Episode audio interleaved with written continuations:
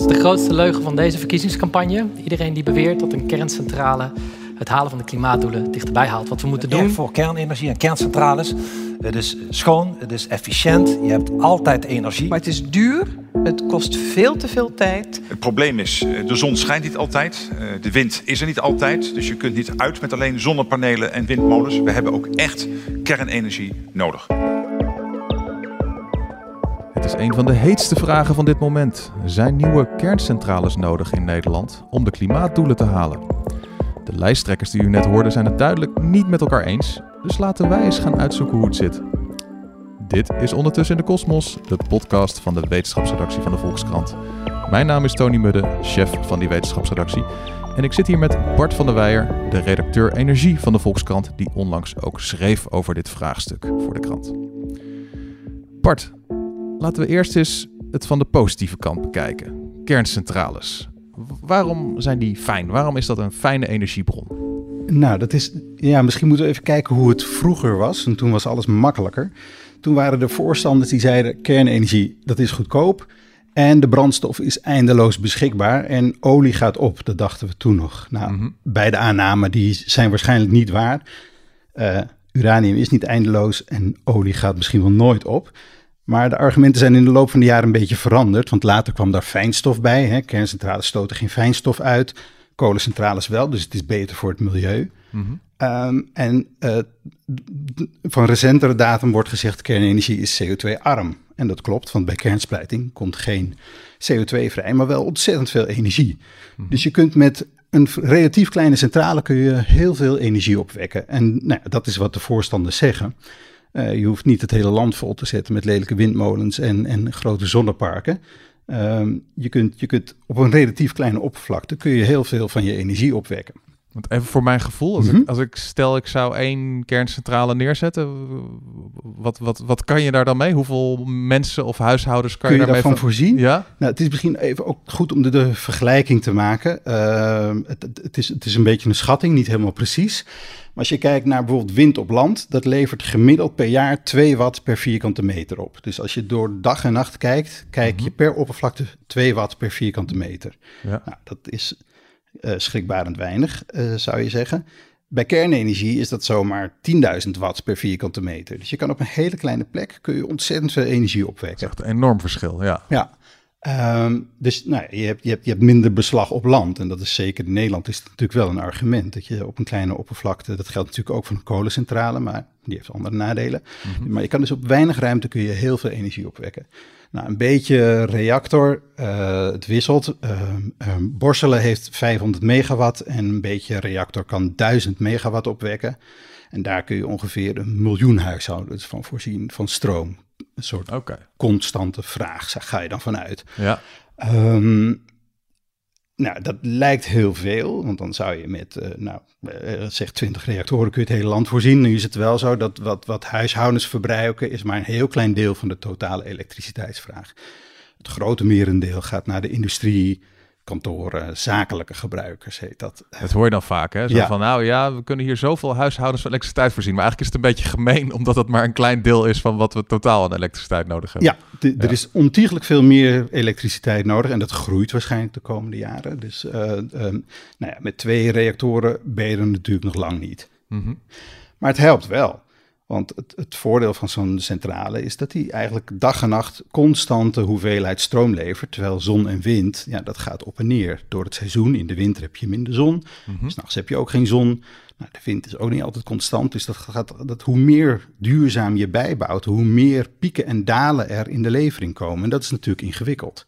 Want de vraag, die blijft constant. Dus eh, nou ja, als je daar een kerncentrale tussen zou zetten, dan zeg je hè, voor een deel van de basisbehoeften kan zo'n kerncentrale dan meedraaien. En de rest doe je dan met duurzaam. Nou, het nadeel daarvan is weer dat soms is er zo ontzettend veel duurzame stroom in de zomer als de zon schijnt en het waait lekker, dat je veel te veel stroom hebt. Ja. Nou, als er dan ook nog een kerncentrale tussen staat te brommen, dan, nou ja, dan zit die eigenlijk in de weg. Die wil je er niet bij hebben.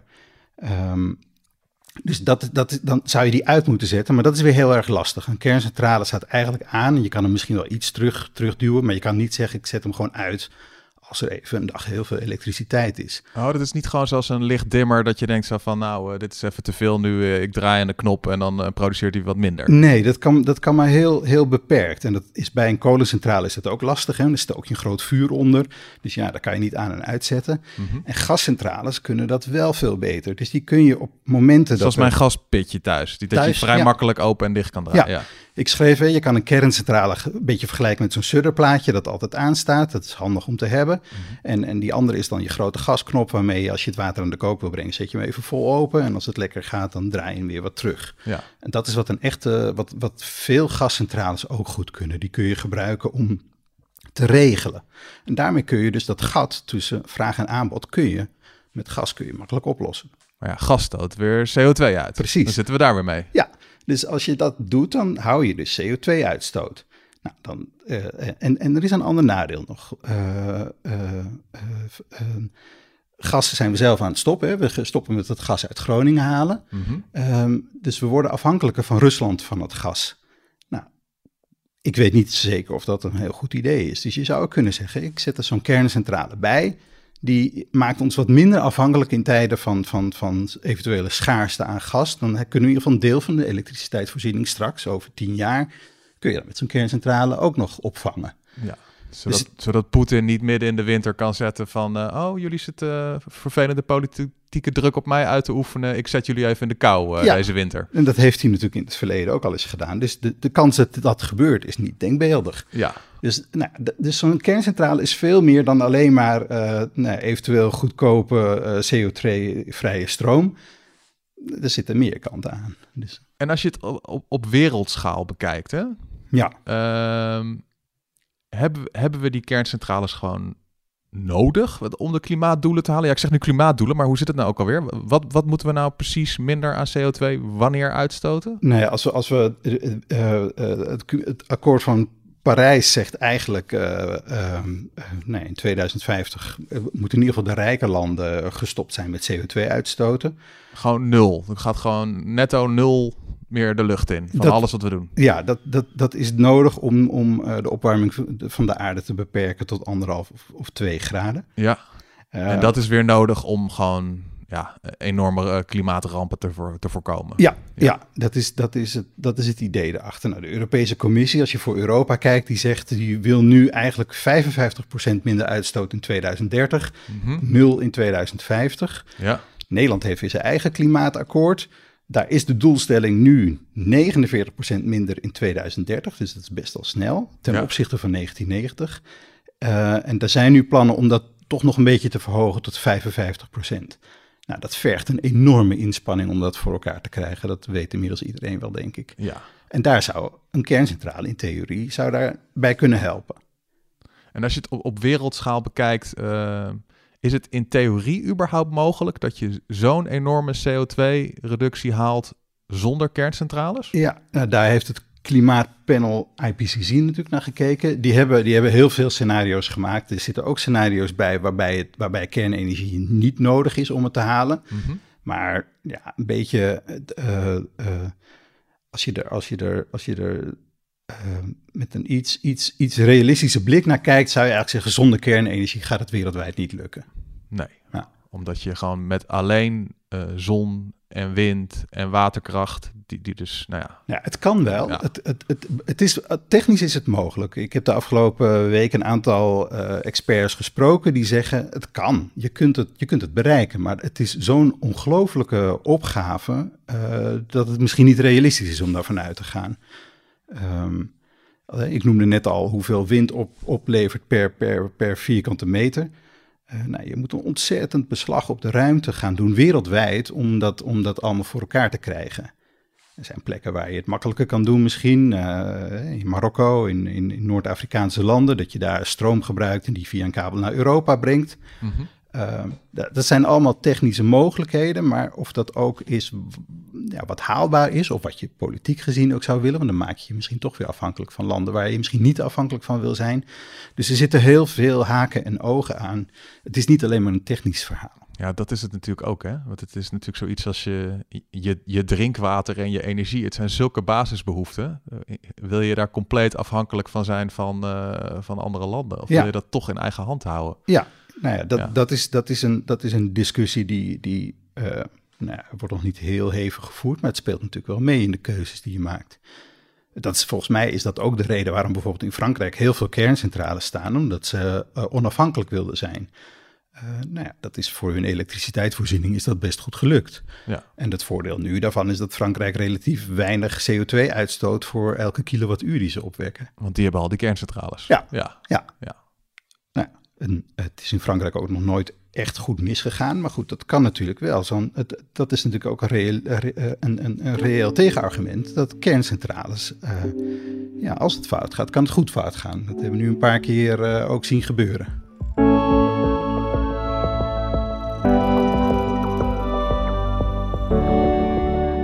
Het is tijd voor de vaste rubriek Een Vraag Tussendoor.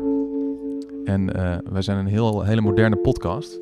Dus eh, wij laten die vraag niet stellen door, eh, door een luisteraar of eh, door een andere expert, want dat is zo 2003. Wij hebben hier een, een algoritme geïnstalleerd. Een robot die luistert mee met de uitzending en die bedenkt dan een toepasselijke vraag. Komt-ie? Hoe is het nu eigenlijk in Fukushima? Hoe is het nu eigenlijk in Fukushima? Dat is een goede vraag. Ik weet ook meteen niet of ik moet zeggen Fukushima of Fukushima. Wat, wat, wat denk jij dat het is, Bart? Ja, ik zeg altijd maar Fukushima, maar misschien is dat wel heel dom. Oké. Ja. maar hoe is het daar nu? Want daar is natuurlijk een enorme nucleaire ramp geweest. eh, een jaar of tien geleden. En ho- hoe zou het daar nu zijn? Ik weet wel iemand die dat waarschijnlijk wel weet. Dat is onze Azië-correspondent Jeroen Visser. Hallo? Hallo? Moet ik Fukushima zeggen of Fukushima? Dat weet jij ook, eh, Jeroen. Ja, nou, de, de Japanners die leggen niet echt de klemtoon. Dus ik zou zo gewoon eh, Fukushima zeggen. Eh. Dus vooral zonder, zonder klemtoon op, een- op een van de delen. Oké, oké, is goed. Ehm, help, help ons even. Wat gebeurde daar tien jaar geleden ook alweer precies? Ja, de zwaarste aardbeving in de geschiedenis van Japan. Dus 9,0 op de schaal van Richter. Eh, niet zo ver voor de kust. eh, de, de, de westkust van Japan. En eh, ja, die had een enorme tsunami tot gevolg. Dus gemiddeld waren de golven denk ik 15 meter hoog. Maar in sommige stukken van de kust nog hoger. En ja, die, dat heeft een enorm de- gedeelte van de kuststreek daar verwoest. Eh 16.000 mensen zijn omgekomen. Ehm, ja, en de kerncentrale van Fukushima, eh, die raakte zwaar beschadigd. En wat waren daar toen ook alweer de gevolgen van voor, voor mens en milieu? Eh, nou, die, die, die, eh, die, er, waren, er zijn zes eh, reactoren daar in de kerncentrale. En, en vier daarvan is een, heeft een meltdown plaatsgevonden. Dus dat betekent dat de, de, de splijtstofstaven, zoals dat heet, gedeeltelijk gesmolten zijn. Waardoor heel veel radioactiviteit is vrijgekomen. Twee van de reactoren zijn ook ontploft. Waardoor ook heel veel radioactieve stof in de lucht eh, is gekomen. Nou, met andere woorden, de, een heel groot gebied eh, van Fukushima moest geëvacueerd worden. Dus eh, er zijn, op het hoogtepunt moesten 160.000 mensen hun woning verlaten. De meeste daarvan zijn inmiddels weer terug. Maar er zijn nog altijd families die, die niet meer naar hun oorspronkelijke huis terug kunnen, omdat dat gewoon nog steeds off-limits is. Eh, dus dat is, eh, ja, er is nog steeds een gebied van, eh, nou ja, toch wel zo'n eh, eh, 200 vierkante kilometer waar, waar je gewoon niet mag komen. Omdat de straling daar nog, nog steeds te hoog is. Maar de grote steden in de buurt van Fukushima, die, die zijn in principe allemaal weer vrijgegeven. Maar eh, ja, het is natuurlijk niet meer zoals het was. Want de, die, die, die, die afval, al dat, al dat atoomafval, al die, eh, die splijtstof, eh, die moet nog, al, nog steeds worden opgeruimd. Dus de planning is nu dat dat tot die operatie ongeveer tot 2051 in beslag zal nemen. Dat is nu de planning en dat loopt misschien ook nog wel uit. Ehm, ja, en, en je ziet het ook aan de kust. Ik was daar vorig jaar en eh, die hele oostkust is nu eh, vol, staat vol met enorme zeemuren. Dus dat is eigenlijk geen gezicht. Die mensen die daar aan de kust wonen, die hebben helemaal geen uitzicht meer over het water. Die kijken allemaal tegen een enorme betonnen muur aan. Echt soms wel 14 meter hoog. Ehm, en soms nog hoger. Eh, om, ja, om maar gewoon te voorkomen dat zoiets nog een keer gebeurt. En dat is echt een soort grote dijk of zo die ze daar dan gebouwd hebben? Of? Ja, ja, ja. Dus uh, dus echt over een lengte van 300 kilometer zijn alle bewoonde gebieden, de steden, dorpen, kleine, kleine gehuchtjes, zijn nu allemaal beschermd met een, uh, met een, met een enorme dijk. Ja, een, soort, soort stenen, betonnen uh, muur van, van nou ja, tussen de sommige plekken, dat ligt een beetje aan de ligging natuurlijk. Daar hebben ze allemaal berekeningen op losgelaten. Maar gemiddeld uh, soort 15 meter hoog zijn die muren. En uh, ja, daar, daar wonen mensen dus nu achter en, en hopelijk beschermd. Maar ja, wel natuurlijk met een verpest uitzicht. Ik ben daar zelf geweest. Je kan de zee gewoon niet meer zien. Ja. En je sprak ook de Nederlandse hoogleraar Wim Turkenburg hè? Over, de, over, de, over de stralingsschade. Wat, wat zei hij? Ja, hij, was daar geweest twee keer. Laatste keer in 2018. Toen mocht hij ook echt uh, overal kijken, omdat hij nou ja, hoogleraar is en, uh, en, en, er veel van af weet. En, uh, hij, ja, hij was wel onder de indruk. Hij, hij, kijk, het, het is heel moeilijk om, om, om in, die, in die reactoren te komen. Dus vooral nummer 1 en 2. Uh, waar, uh, waar ja, die zijn ingestort of waar een explosie heeft plaatsgevonden waar uh, enorm veel radioactiviteit is, dat deels ook nog onder water staat. Daar, daar, kun je, ja, daar kun je echt geen mensen op afsturen, want dat is veel te gevaarlijk. Dus ze moeten, om dat op te ruimen, moeten ze daar uh, robots voor maken. Die speciaal ontwikkeld worden om, uh, om onder water onderzoek te kunnen doen en ook dingen te kunnen vastpakken. En, en, de, en, en, zo moeten ze de komende decennia eigenlijk beginnen om, uh, om die, ja, die radioactieve rommel. Zo, het is gewoon, in het Engels zeg je volgens mij de, debris of debris. Ja. Het is gewoon eh, alle, allerlei radioactieve rotzooi door elkaar. Plus natuurlijk ook die gesmolten uh, splijtstofstaven moet allemaal worden opgeruimd en opgeslagen. En uh, ja, dat is, dat is geen mensenwerk, want iedereen die de serie Chernobyl heeft gezien, uh, kan zien wat, heeft kunnen zien wat voor effecten dat heeft. Dus je moet, ja, je moet dat allemaal heel zorgvuldig aanpakken. En, en daar zijn ze dus nog niet eens mee begonnen. En het is nu tien jaar later.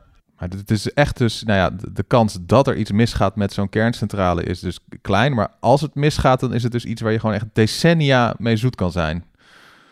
Ja, dat klopt. En, en dat, uh, kijk, dat, zie je, dat weten we natuurlijk ook van Chernobyl. Uh, hè, dat, dat het gebied eromheen is volgens mij ook nog steeds uh, niet, meer, is voor, niet meer bewoond. En, en dat blijft misschien ook wel honderd jaar zo.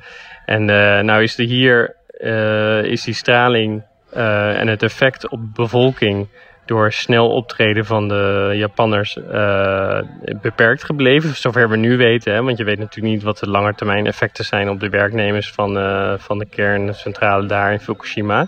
Maar, uh, ja, wat ze, wat, maar, maar, maar echt het opruimen daarvan, dat is, een, dat is een enorme klus. Ja, en dat gaat decennia duren. De planning, zoals ik al zei, is nu 2051. Maar ja, goed, dat is, een, dat is misschien een, een optimistische planning. Want uh, ze zijn nog niet eens uh, begonnen met het opruimen. Dus ja, dat is echt een zware klus.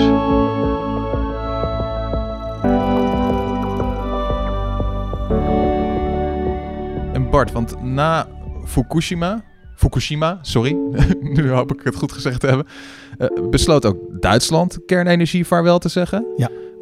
Frankrijk ging terugschalen. oorspronkelijk echt een grootmacht in kernenergie. Ja.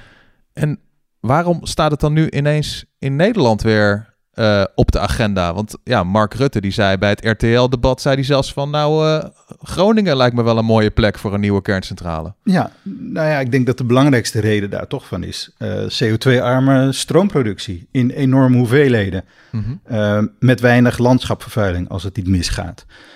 Wat Jeroen schetst laat natuurlijk zien dat als het misgaat, dat je dan tegen hele andere dingen aan gaat kijken. Um, maar dat is wel een beetje de reden, denk ik, waarom het nu weer in de, in de belangstelling staat. En, en zijn die nieuwe kerncentrales super uber veilig dat als er een eh, flinke aardbeving in Groningen is, dat, eh, dat het allemaal goed gaat? Of? Nou ja, dat is, dat, is, dat is wel een beetje de vraag. Want eh, Groningen is natuurlijk qua grond niet heel stabiel. Ja. Ehm, dus of dat nou de beste plek is om hem neer te zetten, dat is, dat is überhaupt al de vraag. Het is, werd gesuggereerd door Rutte. Ehm, nou ja, ik, ik, ik vraag het me af. Je kunt natuurlijk ook zeggen, hè, wat Jeroen schetst, als het misgaat, is een heel groot gebied, wordt gewoon beschadigd. Uh, ja, moet je dat dan in het dichtbevolkte Nederland, moet je dat risico gaan lopen? Of zeg je, ik bouw misschien een aantal kerncentrales uh, op een plek waar het wat minder in, uh, een probleem is. Uh, en, en transporteer ik de stroom via, via dikke kabels naar de rest van Europa. Mm -hmm. Ja. Um, nou ja, die, die, die, die die kwestie is eigenlijk niet zomaar op te lossen, omdat het, uh, uh, de nadelen van kernenergie zijn evident en, en zijn ook heel valide, denk ik, de argumenten. Ja, de voordelen geldt eigenlijk ook wel voor. Die zijn ook heel valide. Dus je moet een keuze maken van, ja, gaan we een afweging maken? Wat is, wat is nu de beste keuze? En in het artikel dat ik van de week heb proberen te schrijven, is, is, is een soort afweging van, moet je dan in 2030, is dan een kerncentrale noodzakelijk om de klimaatdoelen te halen? Ja, dan denk ik, uh, dan denk ik van niet. Als je de nadelen tegen de voordelen afstreept, uh, niet. Maar uiteindelijk blijft het een politieke keuze. Ja, precies. Dus, dus, uh, dus ja, we, we gingen deze aflevering in met wat is de zin en onzin van uh, kerncentrales. En het, en het eerlijke antwoord is, er, er zijn veel voordelen, maar ook veel serieuze nadelen. En of je ervoor kiest, dat is uiteindelijk uh, geen wetenschap of techniek, maar dat is gewoon politiek. Uiteindelijk, uiteindelijk wel. Als je het technische verhaal vertelt, dan is het antwoord nog misschien iets simpeler. Uh, ook nog niet eens. Maar ja, het is nooit alleen maar een technisch verhaal. Uiteindelijk spelen zoveel factoren nu inmiddels mee. Uh, dat ja, wie het weet mag het zeggen. Ja. Dit was Ondertussen in de Kosmos, de podcast van de wetenschapsredactie van de Volkskrant. Grote dank aan mijn gasten van vandaag, Bart van der Weijer, energieredacteur, en Jeroen Visser, Azië-correspondent. Ook dank aan ons podcastteam achter de schermen, Daan Hofstee, onze geluidstechnicus, en Corinne van Duin, mastermind achter alle podcasts van de Volkskrant. Zijn er nog meer podcasts dan? Jawel hoor, kijk maar eens op volkskrant.nl slash podcast. En als je toch de Volkskrant site bezoekt, ga dan ook even naar volkskrant.nl/slash lees. Want daar ontdek je dat je al een abonnement hebt op de Volkskrant voor hoeveel per week, denk je, Bart? 11 euro. 50 cent per week. Echt? 50 cent nou, per week. Doen. Wil je de volgende aflevering van deze podcast niet missen? Abonneer je dan, en dat is geheel gratis, op Ondertussen in de Kosmos op je favoriete podcast-app. Mijn naam is Tony Mudde. Graag tot de volgende keer.